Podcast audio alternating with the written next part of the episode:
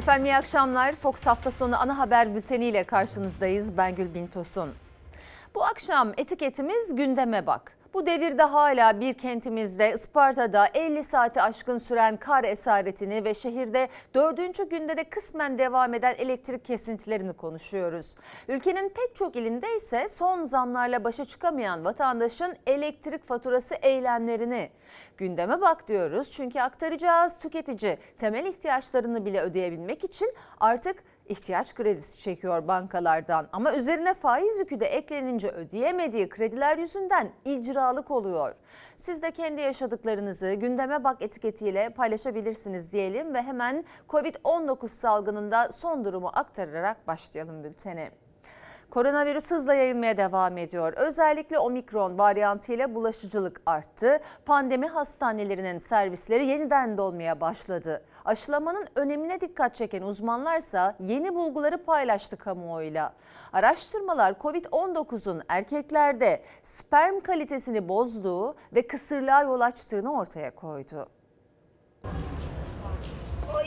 Akciğerlere nasıl virüs yerleşiyorsa bu virüs aynı şekilde testislere de yerleşebilmekte. Genç erkeklerde de testis hasarına dolayısıyla kısırlığa e, yol açabilmekte. Omikron varyantıyla bulaşıcılığı iyice hız kazanan koronavirüsün sağlığa etkileri de araştırılmaya devam ediliyor.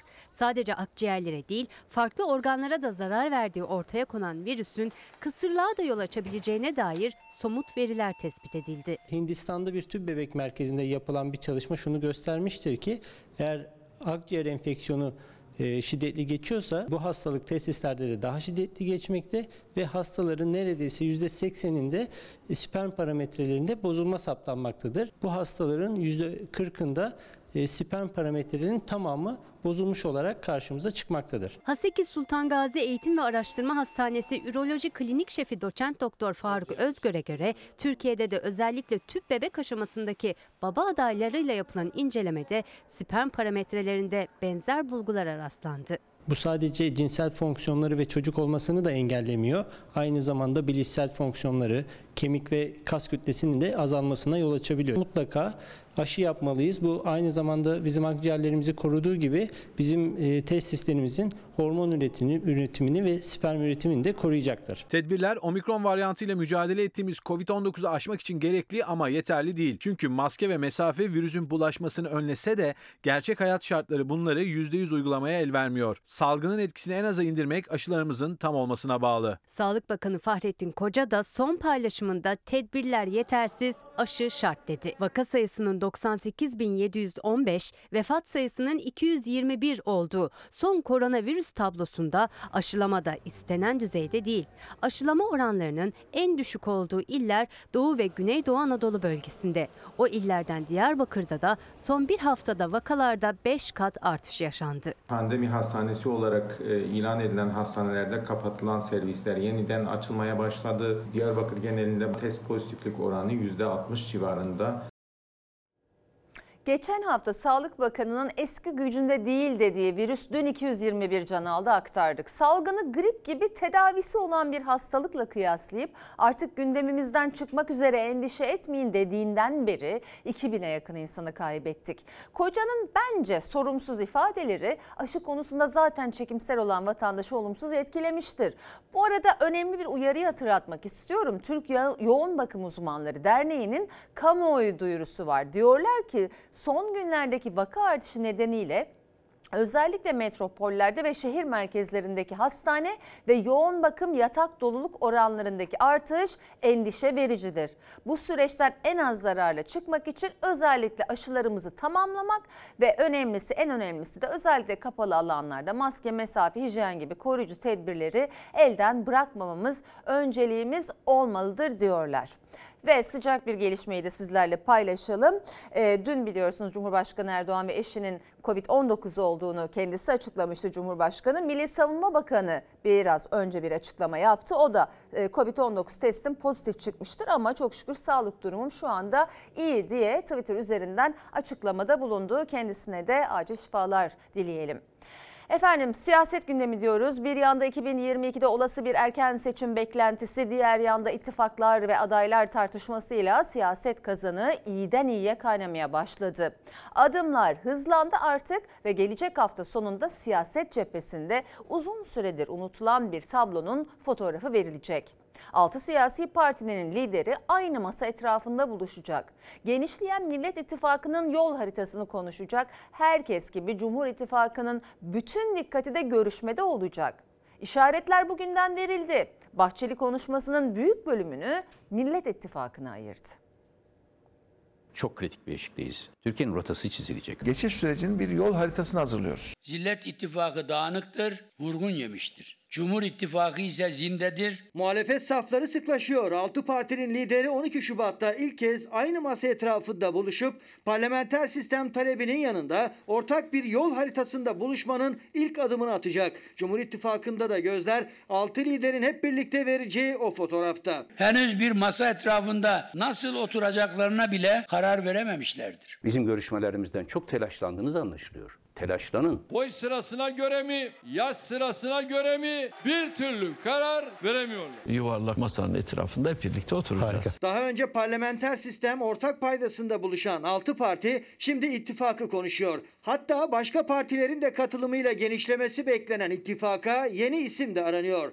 Büyük Millet İttifakı da o isim seçeneklerinden biri. Yeni bir süreçse bunun sembolleriyle, isimleriyle. Masada yani isminin de tabii, değişiyor. tabii, tabii. Cumhurbaşkanı adayları henüz karanlıktadır. Zillet ittifakında her koyun kendi bacağından asıla asıla ortada bacak falan kalmamıştır. Sayın Bahçeli kötü bir haber vereceğim. Sizi rahatsız etmeye devam edeceğiz. Yetkilerimi şu şu şu şu çerçevede kullanacağım. Şu anda olduğu gibi aklıma eseni yaparım. Gönlümden bu koptu atarım imzayı demeyeceğim gibi detaylı bir siyasi taahhüt gerekiyor. Cumhur İttifakı karşı cepheyi adayını şimdiden açıklamaya zorlarken Millet İttifakı isim ya da isimler üzerinden yapmak istemiyor adaylık tartışmasını. Önce aday kim olacak değil, seçilecek isim nasıl bir cumhurbaşkanı olmalı sorusuna yanıt aranıyor. Yeni Cumhurbaşkanı geldiği andan itibaren ülkenin herhangi bir yönetim krizi yaşamaması lazım. Bu da devlet tecrübesi gerektiriyor. Bütün vatandaşlara hitap edebileceksiniz. Bu da kuşatıcılık, bu da kapsayıcılık. Serok Ahmet'in Cumhurbaşkanı aday tarifi ise tamamen Kılıçdaroğlu'nu dışlama üzerine bina edilmiştir. Bunlar su kaynatmış, kayış koparmış, dingil kırmıştır. Halkın AKP'ye karşı biriken öfkesini kendi kişisel ikbali için değil de Cumhurbaşkanlığı hükümet sistemini ortadan kaldırmak için kullanmak isteyen bir aday çıkarsa Türkiye İşçi Partisi hiçbir pazarlığa girmeden bu adaya oy verir ve bu meseleyi ilk turda bitiririz. İttifaklar tartışmasında başını HDP ve Türkiye İşçi Partisi'nin çektiği sol partilerin 3. ittifak alternatifiyle yelpaze genişledi. Soldan sağ bütün partiler, ittifaklar adımlarını erken ya da zamanında artık çok yaklaşan seçimlere göre atıyor. Her ne kadar Cumhur İttifakı sandık için 2023 Haziran'ına randevu verse de. Sonbaharda bir seçim olabilir. Karakış'tan çıkarken bir seçimi tercih etmez Erdoğan. Erken seçim Türkiye'nin gündeminde yer almamaktadır. 2023 yılının Haziran ayında yapılacaktır. Kılıçdaroğlu ve yandaş korosu bunu aklından çıkarmamalıdır. Türkiye'de erken seçim bir anda ilan edilebilir. Nisan ayının bir sabahında aynen 2018'de olduğu gibi Bir yanda 2022'de olası bir erken seçim beklentisi, diğer yanda ittifaklar ve adaylar tartışması. Siyaset kaynayan kazan. İktidarla muhalefet iç siyasette sürekli karşı karşıya. Buna şimdi de Avrupa Konseyi Bakanlar Komitesi ve Avrupa İnsan Hakları Mahkemesi kararları eklendi. İş insanı Osman Kavala'nın 4,5 yılı bulan tutukluluğuna Avrupa İnsan Hakları Mahkemesi yani AHİM hak ihlali dedi. Avrupa Konseyi Bakanlar Komitesi Türkiye için ihlal prosedüründe ikinci aşamaya geçti. Erdoğan'dan sonra Bahçeli de ses yükseltti kendi işlerine baksınlar dedi. Ali Babacan ise Erdoğan'ın geçmişteki ahim başvurularını hatırlattı. Bugünkü sözlerine tutarsızlık çıkışı yaptı. Bir tartışma da Bahçeli ile CHP arasında çıktı konu Amerikan elçisi neden Ekrem İmamoğlu'nu ziyaret etti? Bizim mahkemelerimizi tanımayanları biz tanımayız. Bunu çok net söylüyorum. Size haksızlık yapıldığında siz de İnsan Hakları Mahkemesi'nin kapısını çaldınız. Hem de üç defa çaldınız. Avrupa Konseyi Bakanlar Komitesi kendi işine bakmalıdır. Avrupa İnsan Hakları Mahkemesi kendi önünden yemelidir. Eğer Türkiye ahime en çok şikayet edilen ülkeler listesinde başlardaysa bunun sebebi de sizsiniz ya. Erdoğan gibi Bahçeli de Osman Kavala davasında Avrupa Konseyi ve AHİM'e rest çekti. Babacan Erdoğan'ın bugün kararlarını tanımıyorum dediği AHİM'e 3 kez başvurduğu eski dosyaları açtı, tutarsızlıkla suçladı. Anayasa Mahkemesi'nin milletvekili olamayacağı kararı verdiği AK Parti lideri Avrupa İnsan Hakları Mahkemesi'ne başvurdu yazıyor. Yine en iyi bildiği işi yapıyor. Meseleyi çarpıtıyor. Ayım ne demiş? Avrupa Konseyi bu konuda ne demiş? Bu da bizi çok ilgilendirmiyor. Sayın Erdoğan, ahime başvurunca sorun yok ama başkası başvurduğunda sorun var. Tutarlı olacaksınız, tutarlı. Gezi davasından beraat eden FETÖ soruşturması kapsamında tutuklu olan iş insanı Osman Kavala yaklaşık 4,5 yıldır cezaevinde. Avrupa İnsan Hakları Mahkemesi uzun tutukluluğu nedeniyle tahliye edilmesine karar verdi ama o karar Türkiye tarafından uygulanmayınca bu kez Avrupa Konseyi Bakanlar Komitesi Türkiye aleyhine ihlal prosedüründe ikinci aşamaya geçti. İktidar muhalefet karara karşı ayrı cephelere düştü. Bu sözde karar Türkiye'nin hukuk gücüne ve demokrasi güvenliğine suikasttir. Rahmetli Özal niye ahime başvuru hakkını getirdi bu ülke? Otoriter bir iktidar. Vatandaşlarımıza zulmetmeye başlarsa, insanların nefes alacağı bir kapı olsun diye bu adımlar atılmış. Biz kendi mahkemelerimize saygı duyulmasını bir defa bekliyoruz. Bu saygıyı duymayanlara da kusura bakmasınlar bizim saygımız olmayacaktır. Erdoğan diyor ki bütün dünyaya bizim ülkemizde anayasa var ama benden sonra anayasa var. Ben yargıyı tanımam demektir. Demokrasi yok demektir. Muhalefet anayasada da yer alan Türkiye'nin imzaladığı uluslararası sözleşmelere uyma taahhütlerini hatırlatırken CHP ile MHP arasında yeni bir tartışmanın fitilini de Bahçeli ateşledi. Amerika Birleşik Devletleri'nin yeni büyükelçisi Jeff Flake'in İstanbul ziyareti sırasında Ekrem İmamoğlu'na yaptığı ziyaret. Amerika Birleşik Devletleri'nin Ankara Büyükelçisi'nin koşa koşa İmamoğlu'na gitmesi zarfsız bir mesajdır. Ve hey Büyükelçi bu neyin işaret fişeğidir? Zarfsız bir mesaj ise yıllar önce Sayın Tayyip Erdoğan Pınarhisar cezaevindeyken hiçbir görevi yokken dönemin Amerika elçisinin cezaevinde Tayyip Erdoğan'ı ziyaret etmesi nasıl bir mesajdır? CHP Bahçeli'nin sözlerine Erdoğan üzerinden cevap verdi. Yeni ABD elçisi Adana gezisinde de Adana Büyükşehir Belediye Başkanı Zeydan Karalar'la buluştu ama Bahçeli hedefinde İmamoğlu buluşması vardı. Türkiye'de iktidarın yolu yabancı başkentlerden geçmez, geçmeyecektir. Bahçeli gündemi değiştirmek için İmamoğlu'nu şu ziyaret etti, bu ziyaret etti. Boş beleş işler. Isparta'ya baksın Isparta'ya. Elektrik faturalarıyla ilgilensin. Vatandaşın gerçek gündemiyle ilgilensin. Sayın seyirciler kar yağışı sonrası yaşanan elektrik kesintilerinin ardından Isparta'da hayat durdu. 3 günü aşan kesintiler sonrası 500 bin nüfuslu kentte eğitime 5 gün ara verilirken buz gibi evlerde battaniye içinde ısınmaya çalışan hastaların yakınları pencerelerden yardım istedi. 92 yaşında hastamız var. Hastamız yatıyor. Ben bu hastam ölse çağıracak ambulans yok. Ne arayanımız var ne soranımız var. Evin içinde böyle buz gibi şapkayla oturuyoruz. Ya Allah aşkına biriniz duyun ya sesimizi duyun ya. Babam öldükten sonra gelmesinler. Allah için buraya bir gelsinler. Allah rızası için bak. Pencerelerde yardım bekleyen yaşlılar, battaniye içinde titreyen hastalar. Isparta'da yoğun kar yağışı sonrası yaşanan elektrik kesintisi 3 günü aşınca hayat durdu. Karanlığa gömülen Ispartalılar mum ışığında sesini duyurmaya çalışırken evlerine gönderilen doğalgaz faturaları karşısında çileden çıktılar. Aklımızla dalga geçiyorlar. Üç gündür evimde doğalgaz elektrik yok fatura gelmiş. Bu nedir ya? Şuna bak ya. Benim üç gündür iki tane hasta, üç tane çocuk var bu evde. Bir kişi de ağır sormadı haliniz, hatrınız nedir diye. Isparta'da yaşanan yoğun kar yağışı sonrası yer altına alınmayan elektrik telleri koptu. Kombiler çalışmadı. Yalvaç'ta evinde yalnız yaşayan 70 yaşındaki Ramazan Nazlı'nın donarak öldüğü iddia edilirken Isparta Valiliği şüpheli ölümle ilgili açıklama yaptı. Yaşlı adamın akli dengesinin olmadığı, komşularının yardımlarını da kabul etmediği bildirildi. Kablolara bakın elektrik kabloları yerde. Hayalet kente dönüşen Isparta'da elektrik kesintileri yüzünden bazı mahallelere su da verilemedi. Öğrencilerin yoğun yaşadığı kentte kar sularıyla ihtiyaç karşılandı. Benim kaldığım mahallede 50 saati aşkındır elektrik yok. Su kesintileri var.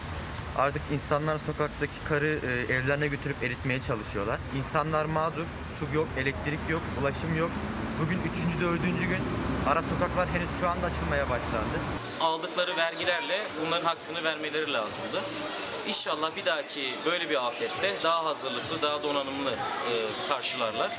500 bin nüfuslu kentte yaşanan 72 saatlik elektrik kesintisi ardından belediye başkanı Şükrü Başdeğirmen kentte elektrik sorununun %95 oranında çözüldüğünü açıkladı. Ancak bazı köylerde ve mahallelerde kesintiler ve elektrik hatlarında çalışmalar sürüyor. Isparta'da okullara da 5 gün ara verildi. Biz mağarada yaşar gibi yaşadık. Gene sabır ettik. Gene sabır etmedeyiz. Erdoğan'ın CHP'yi eleştirirken dile getirdiği sizin hayatınızda sadece mum vardı sözlerinden üzerinden saatler geçmişti ki Isparta'da elektrikler gitti ve günlerdir gelmedi karanlığa gömüldü. Ve soğuğa mahkum olan Ispartalılar o mum ışığında CHP'li vekillere dert yandı.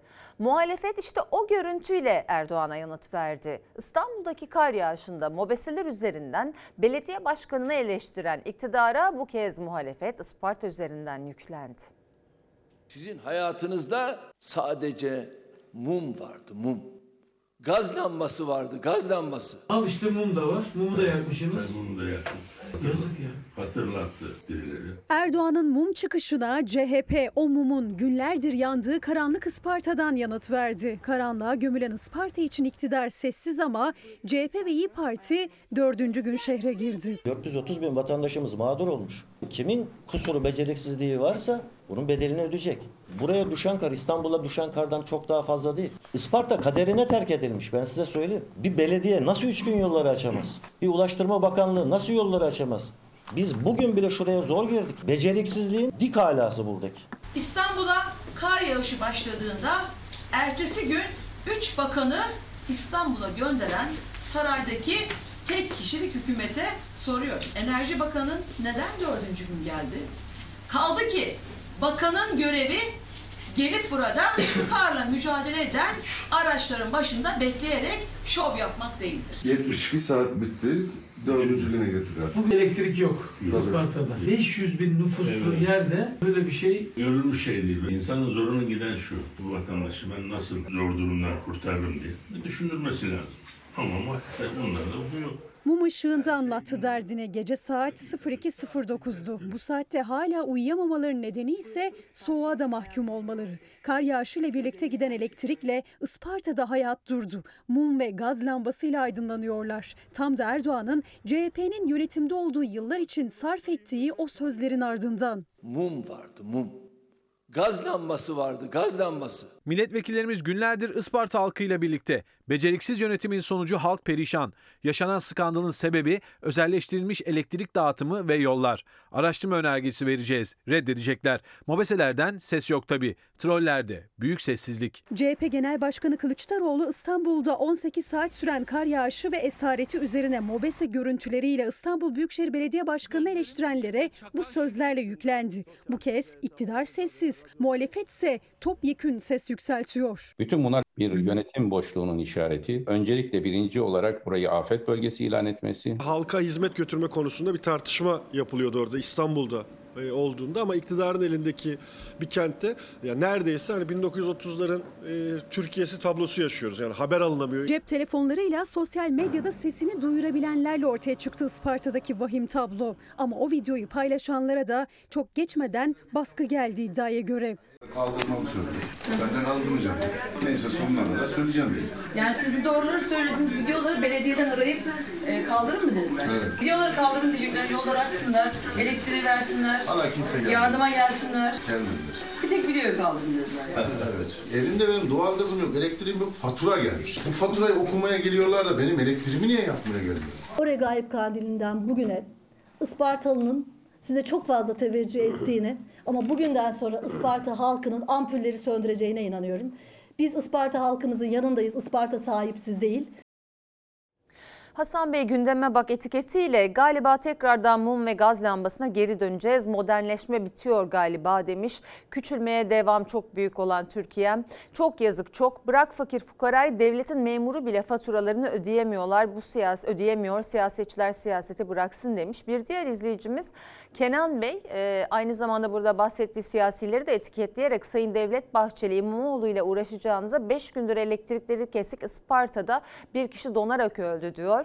Ee, bir kişi hayatını kaybetti ee, ama sebebi bilinmiyor. Şu anda uçuk ucube elektrik doğalgaz faturaları halkı bitirdi demiş. Ee, bunlarla uğraşacağına İmamoğlu'yla uğraşacağına bunlara değin. Ee, e, olumsuz olayları kapatma davası yapılanlar diye eleştiriyor. Enflasyon, 2'ye 3'e katlanan faturalar, hayat pahalılığı, 20 yıllık iktidarın üzerine Erdoğan enflasyon başta bütün sıkıntıların üstesinden gelme sözü verdi. Ali Babacan yapamayacaklar deyip 90'lardaki gibi Türkiye'nin kronik enflasyon dönemine girdiğini söyledi.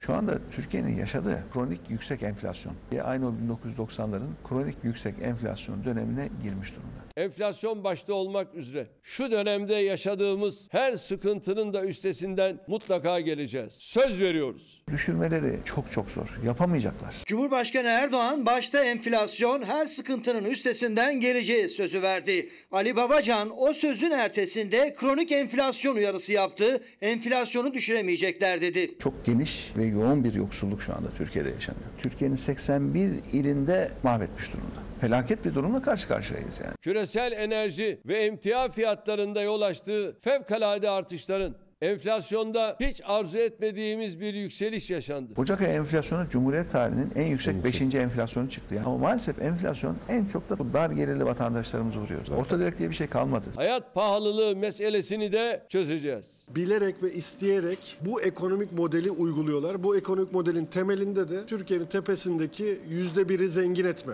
var. Muhalefet iktidar ekonomide sınıfta kaldı. Kriz her geçen gün büyüyor. Geçim sıkıntısı vatandaşın belini büküyor.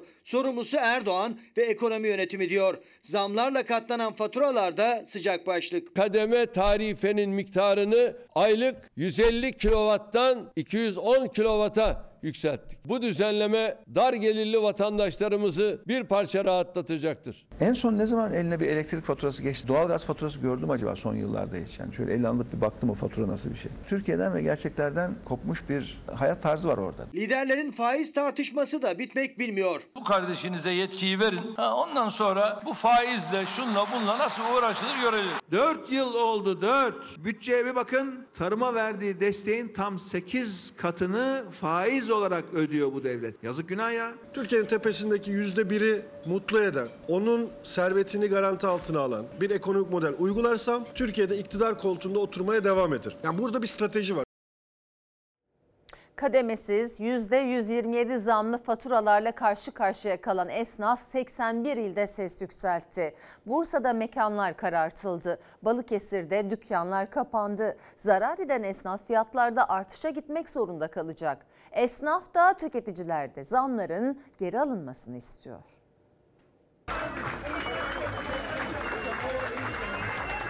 Bu ay elektrik faturam 27 bin lira geldi. Doğalgaz faturam 15 bin lira geldi. Bu fiyatlarla benim ticari faaliyetlerimi sürdürme imkanım yok. Daha önce 670 geliyordu. 600, 670. Bu ayda 1050 geldi. 13 bin lira geldi. Bu ay gelen faturam 29.450. Ve bizler artık lükse giriyoruz. Hani dışarıda e, yeme içme maalesef e, azalmaya başladı. Bu da bizi dolayısıyla çok fazla etkiliyor. Geçen ay 1400 TL fatura öderken ben bu ay 3 milyar 500 TL fatura ödeyeceğim. Evet. Şimdi ben 3 milyar 500 oraya ödedim. Doğalgaza 2000 lira ödedim. Ben evime ne götüreceğim? Bu sorunun cevabı henüz yok. Kar hesabı rafa kalktı, geçim derdi başladı. Aksaray'dan yükselen ses gibi Türkiye'nin dört bir yanında benzer tepki vardı. Balıkesir, Bursa, Van, İstanbul 81 ilin tamamında esnaf yüksek faturaları ödemekte zorlanıyor. Bursa'da esnaf Ocak ayında gelen elektrik ve doğalgaz faturalarını görünce ışıkları kapattı. Balıkesir'de ise dükkanları. Kış mevsiminde biz iş yerimizi açamıyoruz elektrik pahalılığından dolayı. Benim dükkanıma 550 lira 600 lira fatura gelirken şu anda 1144 lira fatura geliyor. 5 kilo 6 kilo döner satacağım da Kiramı çıkartacağım. Elektrik faturamı çıkartacağım. Doğalgazımı çıkartacağım. Personel giderlerimi çıkartacağım. Bana ne kalacak? Yani biz küçük esnaf olarak ezilmekten sıkıldık, yorulduk artık ya. Esnafın elektrik faturasında kademe yok. %127'lik zamla faturaları neredeyse 3 katına ulaştı. 26 yıllık İstanbullu esnaf iki floresan bir küçük televizyonla işlettiği 18 metrekarelik dükkanı için bu ay 1901 lira 18 kuruş elektrik faturası ödedi. Bu faturalar ilerleyen günlerde fiyatlara yansıyacak. Müşteriler de zamlı menülerle fiyatlarla karşı karşıya kalacak. Bundan önceki faturamız 650-800 civarında geliyordu. En son gelen faturamız 1901 lira. Burada ne yanıyor ki 1900 lira fatura geldi? Yalnız floresanlar efendim. Üç katına neredeyse yetişecek kız. Kara kara düşünüyoruz nasıl bu ayıp geçireceğiz yani. Bundan sonraki aylar eğer böyle devam ederse işimiz zor olur. Fatura burada duruyor. Yani hiç kaldırmadım bile. 2047 TL fatura geldi. Sadece şimdi- ışıklandırma ve klimamız var. Başka hiçbir şeyimiz yok. Geçen ay 10 bin lira gelen elektrik bu ay 29-30 bin TL arası geldi. Bunun bugünkü şartlarda işletmelerimizde kazançlılığıyla bu faturaların ödenmesi mümkün olmadığını önümüzdeki aylarda herkes görecek ve çok büyük sıkıntıya düşülecek. Esnaf gibi tüketici de gelen fahiş faturalardan şikayetçi. Halkın Kurtuluş Partisi ile İşsizlik ve Pahalılıkla Savaş Derneği İzmir Karşıyaka'da ellerinde faturalarla eylemdeydi. Gelen yüksek faturaları yakarak zamları protesto ettiler.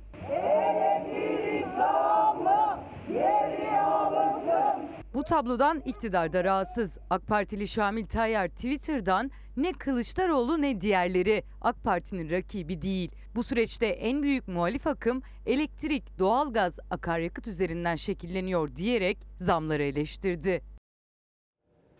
Türkiye'de gıda enflasyonu OECD rakamlarını da etkiledi. OECD ülkelerindeki enflasyon Türkiye etkisiyle Aralık 2021'de %6,6 ile son 30 yılın rekorunu kırdı. Araştırmada bu rakam kağıt üstünde kaldı ama dar gelirli pazarda enflasyonu bizzat hissetmeye devam etti. Bunlar kadar hiç pahalılık gördün mü? Uçmuş uçmuş kardeşim uçmuş. Ne alacaktınız peki? Ne alacaktın ya?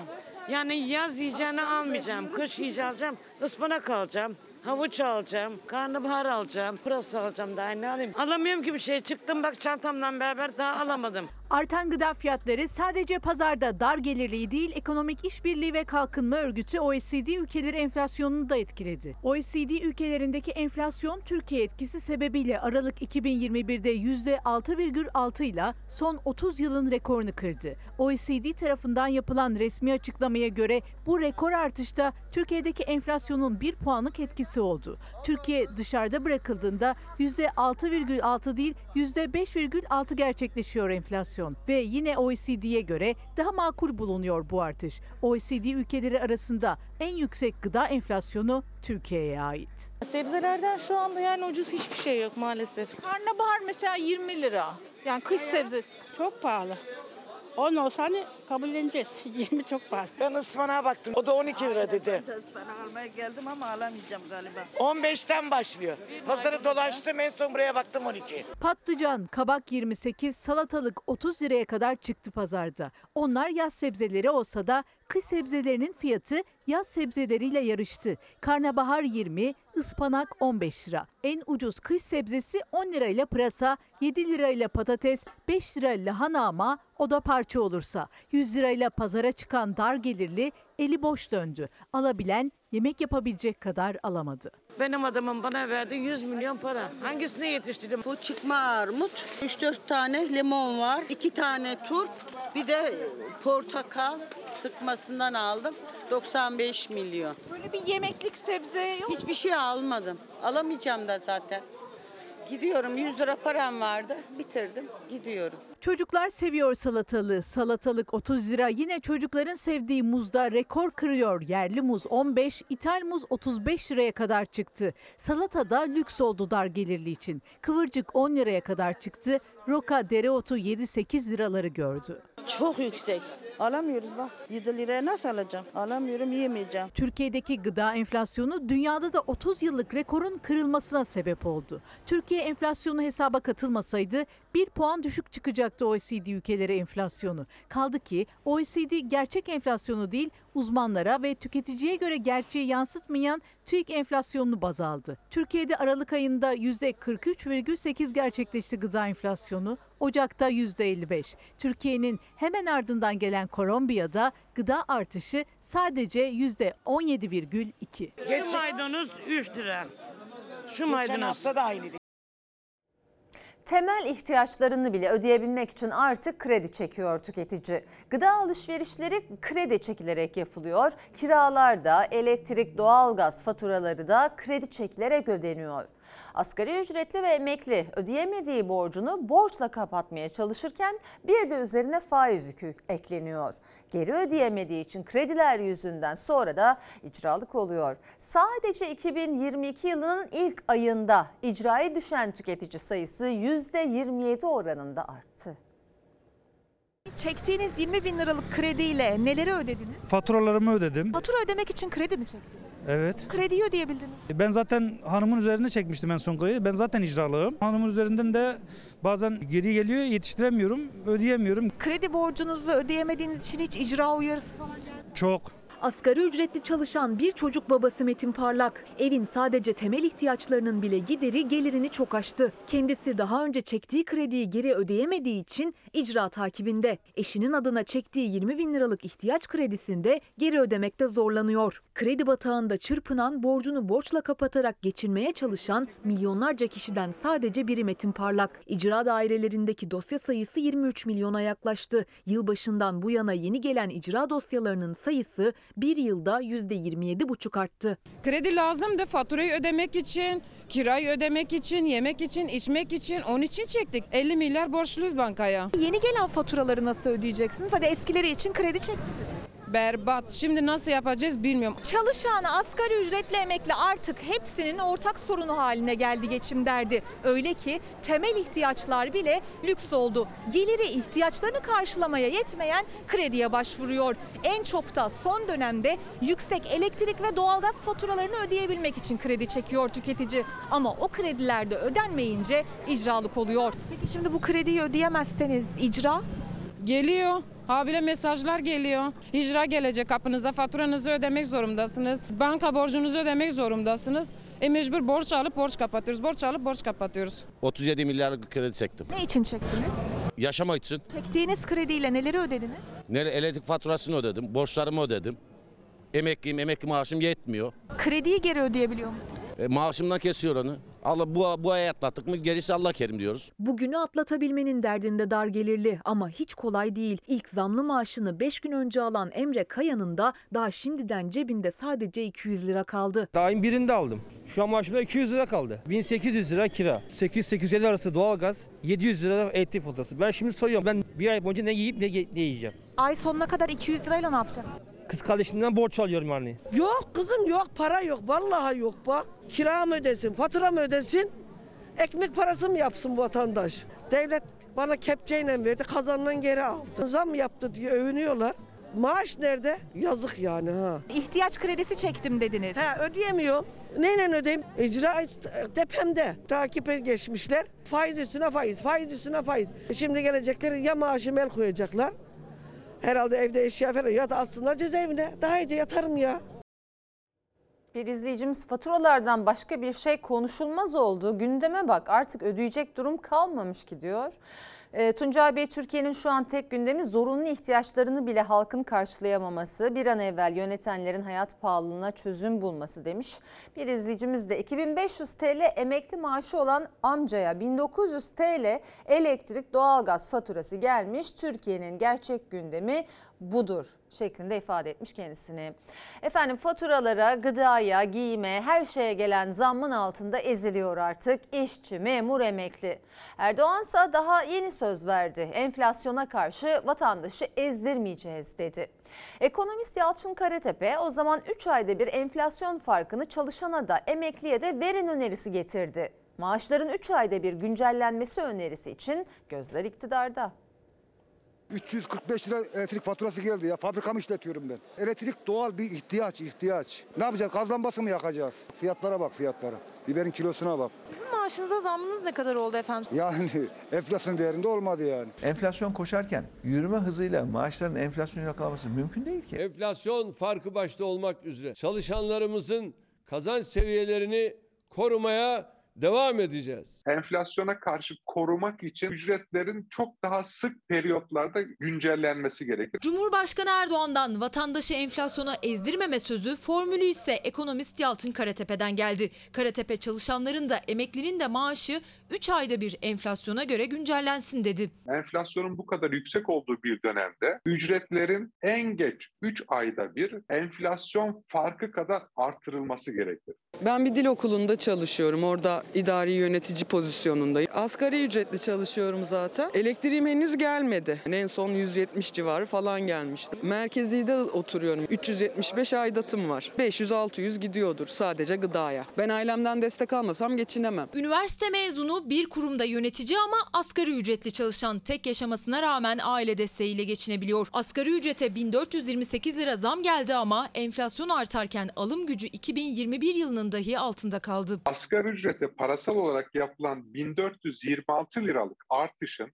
aslında 1019 lirası 2021 yılında gerçekleşen enflasyonu telafi etmek için 4250 lira olarak belirlenmiş yeni asgari ücreti aslında %11.1'i Ocak ayında gerçekleşen enflasyon ile ortadan kalkmış oldu. Bunun parasal tutarı da 472 lira. 4253 liralık asgari ücretin 1019 lirası 2021 yıl sonu enflasyonuyla gitti. %11'lik Ocak ayı enflasyonu da asgari ücretten 472 lira eksiltince geriye 2762 lira kalıyor. Alım gücü olarak 2022 yılı asgari ücreti 2021 yılının 2825 lirasının 63 lira altında. Yani asgari ücretli zam aldı ama enflasyon karşısında alım gücü azaldı. Emekliyim. 500 lira benim aylığıma şey kodu cebime girmeden geri aldı. Ne yapayım? Anca bakmayla geçiniyor.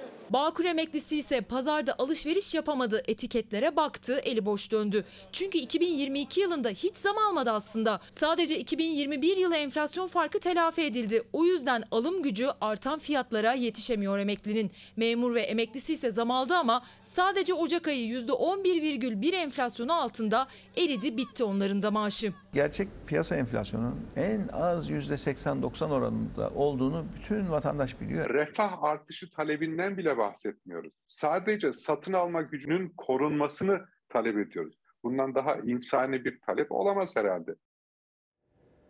Muğla Dalaman Çömen köylüleri ellerinde 70 yıllık tapularıyla ortada kaldılar. Çünkü Orman Genel Müdürlüğü arazilerini orman alanı ilan etti. Bir ay içinde kendi rızanızla terk edin dedi. Şimdi evlerinden, köylerinden olmamak için seslerini duyurmaya çalışıyorlar.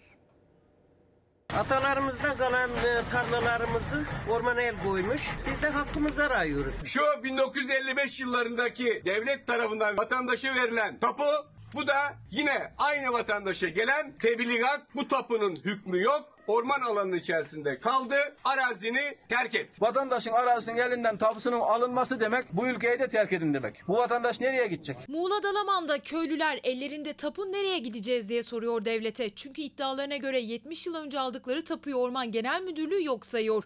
Kimi evini kimi tarım arazisini terk etmek zorunda. Köylülere verilen süre ise sadece bir ay. Terk edin diyor. Bir ay süre veriyor. Bir ay süre içinde toprağını terk edin demek ne demek oluyor? 1950'de babamgilin çizilmiş olan tapularına orman el koydu. Gelin imzanızı atın diyor. Biz nasıl veririz ata topraklarımızı? Yerimizi terk edin diyorlar.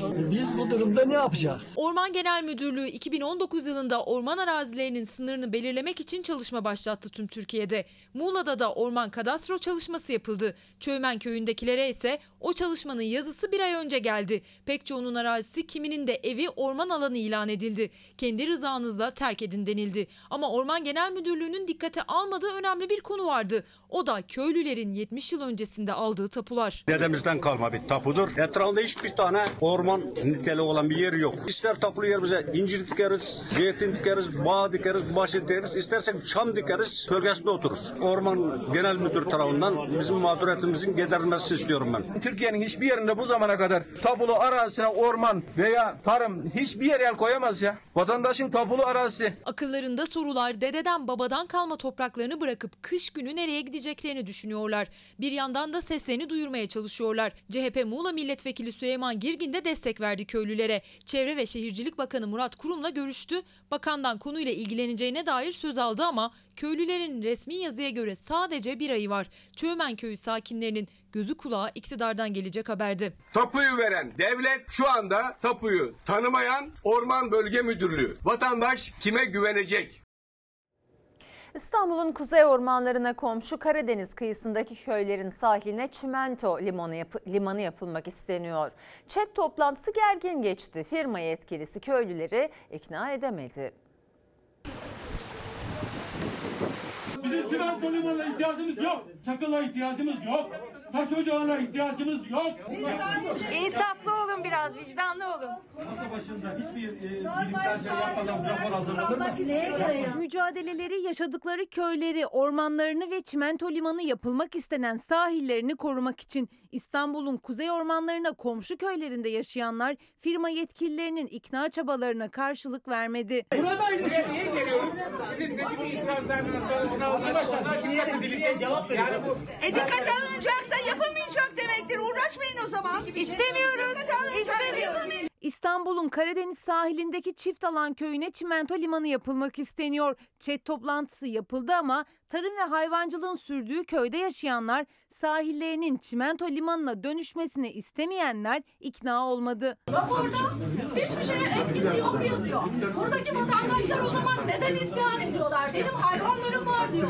Benim yeraltı suyum var diyor. Benim diyor tarım arazilerim var diyor. Nasıl bilimsel rapor çıkardınız? Hangi mühendisler, hangi odalar bunu yaptı? Masa başında kendiniz mi yaptınız bunu? Çevre mühendisleri, arko- jeoloji mühendisleri, bunların bilim insanlarının şeyini getirin bize. Bölge sakinleri projeyi istemediklerini dile getirdi. Uzun süren tartışmanın sonunda taraflar uzlaşamadan ÇED toplantısı sona erdi. Köylüler topraklarına, sahillerine sahip çıkmakta kararlı. Görüyoruz hepimiz medeni ve nazik insanlar. Eyvallah. Öyle bizim taleplerinizi yazdırın. Biz projeyi ona göre yapalım. Hiç yapmayın. Hiç yapmayın. Burası bizim vatanımız. Benim ölülerim var burada. 750 senelik mezarlığımız var burada. Ben atamı bırakmam.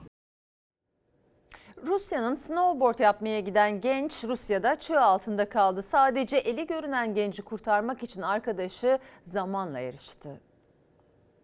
Yoppa. Murat. Snowboard yapmaya gitti, kendini çığ altında hayatta kalmaya çalışırken buldu. Düşüş. Rusya'nın Soçi kentinde 3 arkadaş hafta sonu tatili için kayak merkezine gitti. Hiç vakit kaybetmeden piste çıktılar. İçlerinden ikisi snowboard yaparken üçüncü genç onları kamerayla kaydetmeye başladı. Tam o anda çığ meydana geldi. Murat! Gençlerden biri kaçtı, diğeri dengesini kaybedip düşünce çığ altında kaldı. Sadece eli görünen gencin yardımına arkadaşı koştu. Все хорошо, Murat. Давай, давай, со спины убирай. Rus genç dakikalarca uğraştı. Arkadaşının üzerindeki karları yarı beline kadar temizledi. Yardım ekiplerinin gelmesinin ardından kurtarılan genç hastaneye kaldırıldı. Sağlık durumunun iyi olduğu açıklandı. Ладно, справим- справимся. SMA hastası bebeklerin aileleri gen tedavisi için mücadeleyi sürdürüyor. Bir yandan da Sağlık Bakanı Türkiye'de uygulanan mevcut tedavi için de düzenleme yapılacağını söylemişti. Aileler 65 gündür o sözün tutulmasını bekliyor. Herkes çocuğunun peşinden bir lokma yesin diye koştururken ben evladımı aç bırakıyorum.